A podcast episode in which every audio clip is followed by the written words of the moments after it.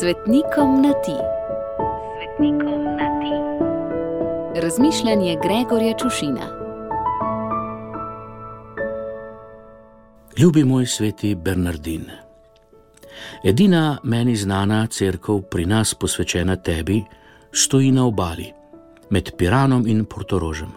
No, pravzaprav je stala in je svoje čase tam stal tudi samostan, zdaj pa le še ruševine, zvonik in okrog njih, ja, ne vem, kaj bi rekla tvoja od asiškega obožca prepojena duša, ko bi videla, kaj stoji na mestu in na mesto nekdanjega samostana.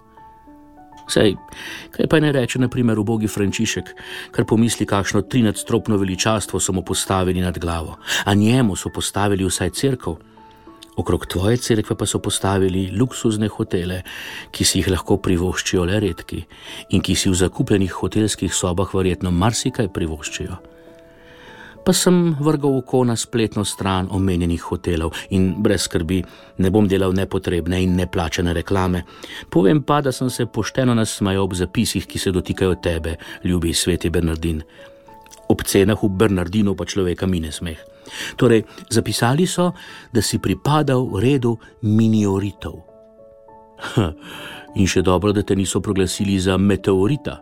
Čeprav je po drugi strani res, da si kot pridigar blestev kot meteorit in si tudi švigal po premnogih krajih, kjer si, kot je spet zapisano na spletni strani vesoljsko dragih hotelov, kot spokorni pridigar oznanjal ljubezen, poroko in mir. Hm.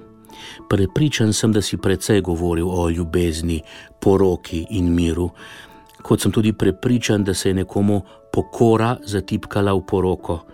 Še bolj verjetno pa dotični prepisovalec ni imel pojma, kaj pokora sploh je, in je ne na zadnje po svoje lepo, da se reklamira poroka, da o ljubezni in miru, ki sta nujni sestavini tako poroke kot pokore, sploh ne govorim.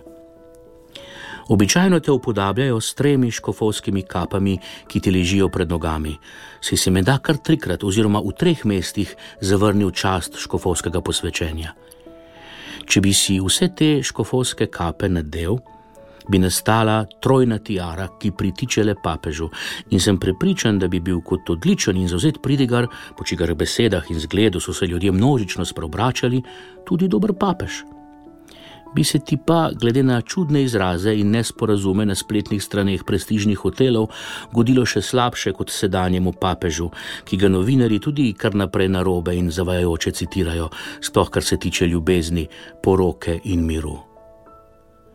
Ljubi moj sveti Bernardin Sienski, obilo žegna ob tvojem godu, pa nam ga vrni in razli na nas.